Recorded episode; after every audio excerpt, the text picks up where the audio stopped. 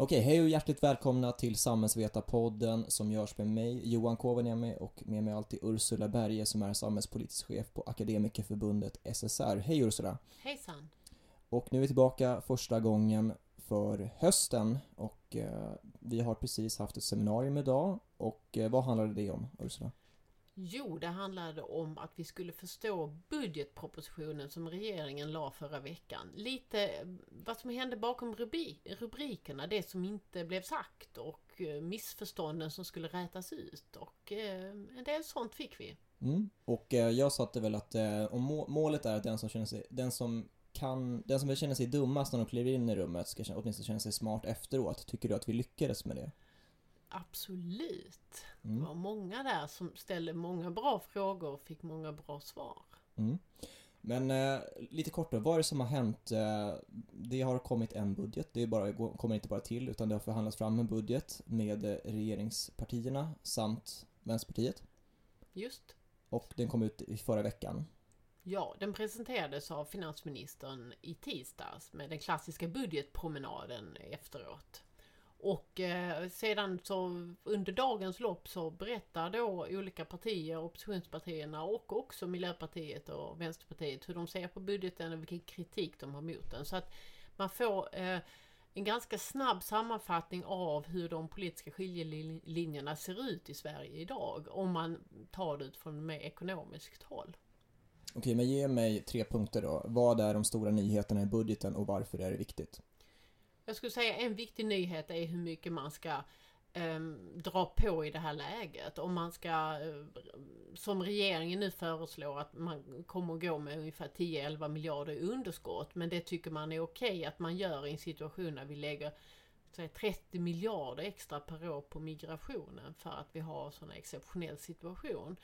Och där stod, skulle jag säga att den stora skiljelinjen är för att det, de borgerliga partierna tycker att man inte ska gå i underskott just nu för att man tycker det är en högkonjunktur. Den, den analysen delar ju inte finansen men där är en viktig skiljelinje att eh, oppositionspartierna tycker att man har tagit sig ett för stort reformutrymme som det brukar kallas. Och vad betyder det här i vardagen egentligen?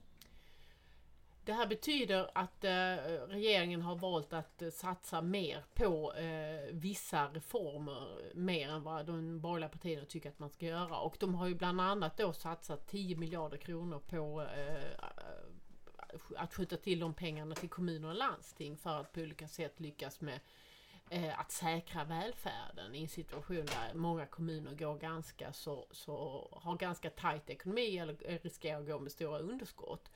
Så det har ju varit den stora huvudpoängen för regeringen i den här budgeten, att, att man satsar på kommunerna och landstingen. Mm. Och eh, så frågan om just om vi är eller inte är i en högkonjunktur, eh, varför är det någonting att diskutera överhuvudtaget? Jo, därför det är lite hur man, hur man funderar. Tittar vi på svensk ekonomi i jämförelse med många andra länder så har vi ju eh, en högre tillväxt och hög, än vad många andra länder har. Vi ligger på 3,5% eh, nästa år och sen kommer vi gå ner på 2,5% men det är långt över de flesta andra länder, till och med långt över USA.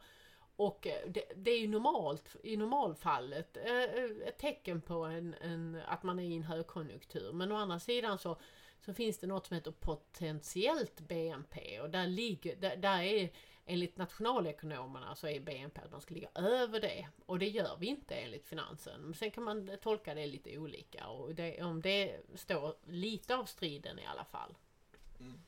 Men på kort sikt, är det här, eh, de här eh, miljarderna nu då som har, som har gått ut, eh, det, är det mycket, är det lite pengar? Det var ju en diskussionsfråga att om nu kritiken var att ja, det här fyller bara redan befintliga luckor så, så menar ju då regeringsföreträdare att ja men då är det ett kvitto på att det verkligen behövs. Men vad menar kritikerna egentligen? Ja, det, det, finns kritik på många olika håll men, men en kritik är ju att man, man eh, tycker att om man hade istället sänkt skatterna så hade fler haft mer i plånboken och så hade kom kommunerna själva kunnat ha en, en bättre ekonomi eh, och inte hade inte behövt sådana här statliga pengar. En kritik som också kommer är ju att regeringen väljer att göra det till generella bidrag till kommuner och landsting. Man, det vill säga man säger inte att eh, si och så många miljarder ska till skolan och si och så många ska gå till socialtjänsten. Och det finns det ju en del som också kritiserar för att man tycker att skolan alltid ska ha eh, väldigt mycket av, av eh, de pengar som tillskjuts. Så, så, att, men kommuner och kommunpolitiker är i allmänhet väldigt negativa till öronmärkta pengar. Så att det, om det står det också en strid. Jag tänkte precis fråga det. Det är väl ingen kommunföreträdare som vill ha öronmärkta pengar?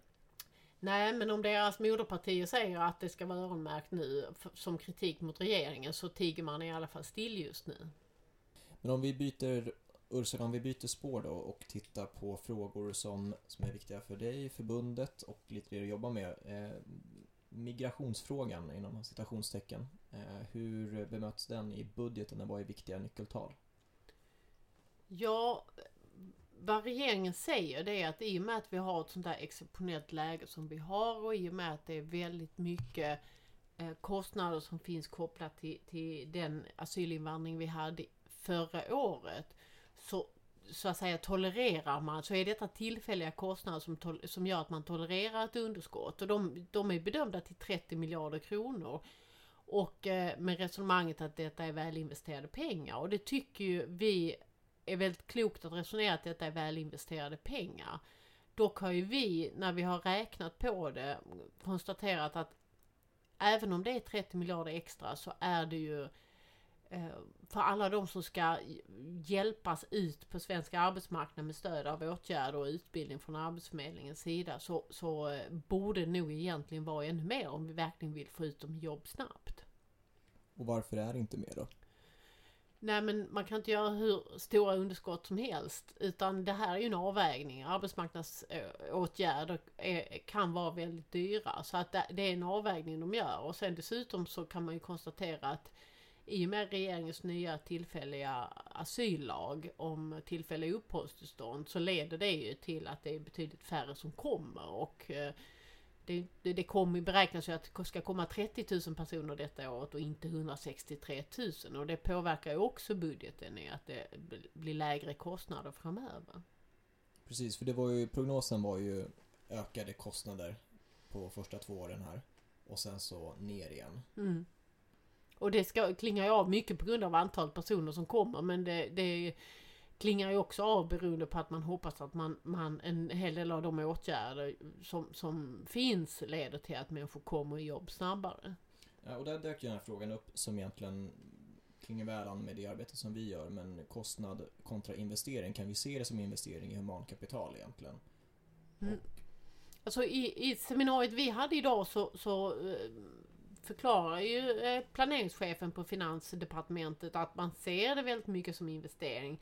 Men jag upplever ändå att resonemangen och debattsamtalet bygger väldigt mycket på att det är en kostnad och inte minst det, den mer animerade diskussionen om det här att det är en stor kostnad för samhället. Men det är, om man ska verkligen se det som, som han också såg det som, att detta är en väldigt god investering i humankapital. Ungefär som att man satsa på att bygga järnväg eller väg eller någonting annat. Mm.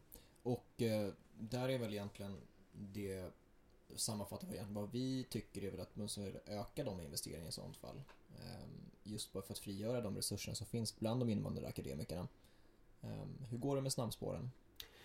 Jo, snabbspåren har ju kommit igång eh, lite smått men eh, våra snabbspår överenskoms ju i juni månad och vi har inte fått igång alla kurserna nu till, till september utan det kommer att vara en hel del nya kursstarter i januari månad. Men det rullar på framförallt så är det ju flera tusen andra eh, personer som går i andra snabbspår. Så så att min förhoppning är ju, och mångas förhoppning är ju att det här ska, ska vara någonting som spelar väldigt stor roll och där man kan få upp både stora volymer men framför allt skulle jag säga att engagemang från både fack och arbetsgivare är att nu är vi en del av det här projektet att få nyanlända jobb. Att vi måste själva anstränga oss och bli handledare och erbjuda praktikplatser. Så det hoppas jag ska vara det nya i arbetsmarknadspolitiken. Att fler är med på båten. Mm. Men kopplat till eh, högkonjunktur eller inte, så arbetsmarknaden i stort, den är ju tudelad. Ehm, är väl både det vi eh, visar och egentligen alla siffror visar på. Det är inget, inget konstigt med det. mellan de eh, egentligen två stycken grupper. Det är de som är födda i landet och de som är födda utanför det här landet. Där arbetsmarknaden ser väldigt olika ut. Mm. Vad man kan se de senaste åren det är ju att arbetslösheten varit, har ju varit uppe och vänt på ungefär 8% och 400 000 arbetslösa och nu är det nere på 6,5 procent lite, lite drygt och, och det är 350 000 arbetslösa istället. Så att det är ju sjunkande. Men vad man har sett under den här resans gång är ju just det som du beskriver. Att man ser att vissa grupper har det väldigt mycket svårare på arbetsmarknaden och vissa människor har väldigt mycket enklare på arbetsmarknaden. Och då är en uppdelning är ju den var man är född. En annan uppdelning som man också kan göra är ju vilken utbildningsbakgrund man har. För om du inte har en avslutad gymnasieutbildning eller ännu värre grundskoleutbildning i Sverige som, som svenskfödd så har du en hopplös arbetslös, arbetsmarknadssituation precis som en person som har den utbildningsbakgrunden i, i, från ett annat land. Eller hopplöst men du måste få upp din utbildningsnivå för att komma i, i, få en rimlig chans till ett jobb. Så att det, att det är en tudelad arbetsmarknad det är helt uppenbart. Och en grupp som, man, som har förändrats väldigt mycket på kort tid det är ju unga, svenskutbildade unga människor. För ett par, tre år sedan hade vi alla möjliga satsningar för att få unga i jobb. Är du svenskutbildad med gymnasieutbildning och ung i Sverige idag så får du jobb. Och eh, hur ser det ut på antalet utbildningsplatser? Där, där, har ju, där ligger det ju stora satsningar på komvux, yrkesvux, eh, andra typer av utbildningar som kanske inte riktar sig till våra medlemsgrupper i första hand. Nej, och det är väl, eh, det kommer i november en forskningsproposition som också är en proposition för högre utbildning och även innovation. Och där kommer det komma nya pengar. De har de aviserat ju x antal miljarder kronor i den nya per år till det. Men det som är viktigt att säga det är att det är väldigt centralt att vi nu bygger ut den högre utbildningen i Sverige med fler platser. Fler platser i den reguljära grundutbildningen men också fler platser för kompletterande utbildningar för människor som kommer från andra länder. Och där bygger de ut väldigt mycket lärarutbildningar och förskollärarutbildningar men det behövs på många fler områden. Det behövs, det är inte bara lärare som är i bristyrken i det här landet. Det är väldigt många fler yrken. Ja, men eh, det här med matchningsproblematiken då och eh, akademikerbristen inom alla sektorer men framförallt den skriande bristen inom offentlig sektor, speciellt på tio års sikt. Eh, finns det någon, någon åtgärd här som, som finns, ja, lämnar hopp om framtiden? Inte så mycket inom, skulle jag säga, inom ramen för det svenska högskolesystemet. Som sagt, på lärarsidan gör man olika satsningar. Men det är därför jag tycker, och, och, och vi i förbundet tycker att det här med snabbspår är en väldigt smart idé. För att om man till exempel tittar på vad, vad det kostar att utbilda en läkare i det här landet. Så om vi istället får en läkarutbildad person från ett annat land som får en kompletteringsutbildning så kommer den personen att kosta mindre än en tiondel utbildningskostnader i jämförelse med en svenskutbildad. Dessutom går det betydligt snabbare. Och det gäller inte bara läkare som har en fem och ett halvt år utbildning plus AT och, och ST och allting. Eh, utan det är väldigt långa utbildningar i Sverige. Eh, vad det gäller. Den är en av de längsta utbildningarna men det tar ändå en 4-5 år att utbilda personer. Men om de kommer från ett annat land så kan det gå betydligt fortare. Så jag tycker det är Kanske kan det, skulle man kunna beskriva som en quick fix men, men det är en möjlighet att ta tillvara de här människornas kompetens och dessutom har vi nytta av det i alla våra akademiker och bristyrken. Men om vi, om vi tar det viktigaste egentligen nu och eh, sammanfattningen som blickar framåt. Vad, vad tycker vi eh, om budgeten? Vad vill vi egentligen om svensk ekonomi och arbetsmarknad? Ursula? Ja, alltså många saker var viktiga i den här budgeten men det finns vissa saker som saknas. Och det, jag skulle säga att det, det centralaste nu är att vi förstår att detta är en väldigt speciell tid vi lever i. Det har kommit exceptionellt mycket människor till det här landet förra året. De, de är, av humanitära skäl är det viktigt att de får en chans i det här samhället för svenska samhällets skull är det väldigt viktigt att de får, ett chans, får en chans i det här samhället. Och de måste få, deras alltså barn måste få en bättre skola och de själva måste få chans att få utbilda sig och få eh, komma in på svensk arbetsmarknad på ett vettigt sätt. Och detta är helt avgörande. Lyckas vi inte med det så har vi en väldigt stor grupp människor som kommer gå i, utan jobb och i ett utanförskap under alldeles för lång tid och det kostar fantastiskt mycket pengar och är ett mänskligt lidande. Får vi de här jobb på två års sikt kanske så är det en enorm tillgång för landet och det kommer att boosta svensk ekonomi. Det är helt avgörande att vi gör detta. Men det är inte bara detta utan det är också andra saker som vi ser vi måste fixa i det svenska samhället. Och en del saker finns i den här budgetpropositionen. Jag tycker det är bra att man höjer till exempel underhållsstödet. Som är pengar som går till ensamstående föräldrar. Eh, och, och, där man också lägger till högre belopp vad det gäller flerbarnstillägget. Det är också sådana här öronmärkta, smarta, träffsäkra åtgärder för att lyfta de som nästan aldrig får näsan över vattenytan ekonomiskt sett i vårt samhälle. Och vi har en barnfattigdom som växer varje år som går och som, där vi inte har lyckats vända den här trenden på många, många år. Det måste vi göra. Det är helt avgörande att göra detta parallellt med allting annat.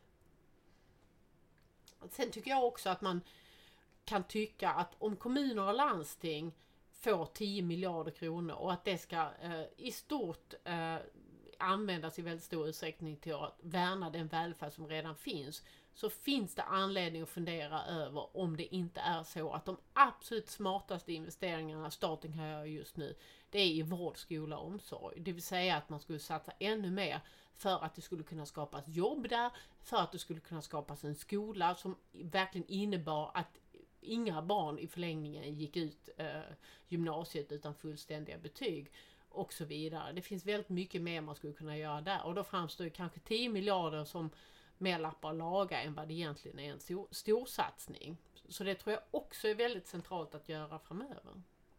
Sen, sen Alltså om man försöker sammanfatta var vi befinner oss och när vi nu eh, ser det här året framför oss så skulle jag säga att det är att få ihop, få bort klyftorna eller minska klyftorna i det svenska samhället som är det överordnade uppdraget för alla politiker i Sverige idag oavsett om man jobbar i stat, kommun eller, eller förtroendevald i stat, kommun eller landsting. Vi måste få ihop klyftor som ökar skolsegregationen ökar, boendesegregationen ökar och det hänger ju såklart ihop.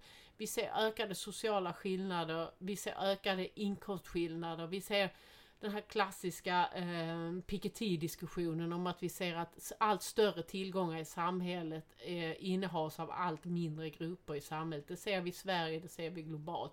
Vi ser väldigt mycket trender som talar för att eh, skillnaderna i samhället ökar och det måste en regering som vill eh, ha ett, ett sammanhängande samhälle och måste satsa mer på att få ihop samhället än vad som sker idag. Mm. Och eh, några avslutande ord då om vi tänker på kort och lång sikt här framåt?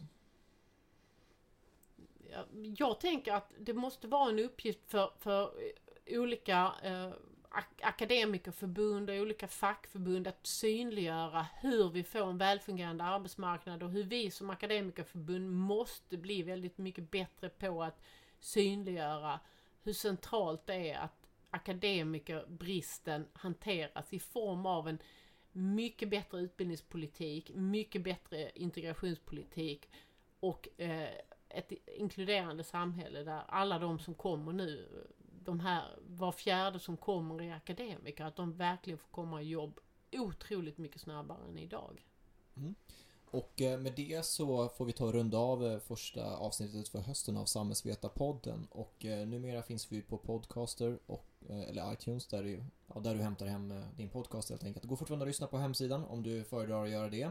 Men prenumerera gärna på podden och ge oss ett betyg. Det brukar alltid hjälpa till att puffa lite och tipsa alltid en kollega eller en kompis om att vi finns så är det fler som lyssnar på oss och med det sagt så är vi på återhörande. Tack så mycket. Hej då! Hej då!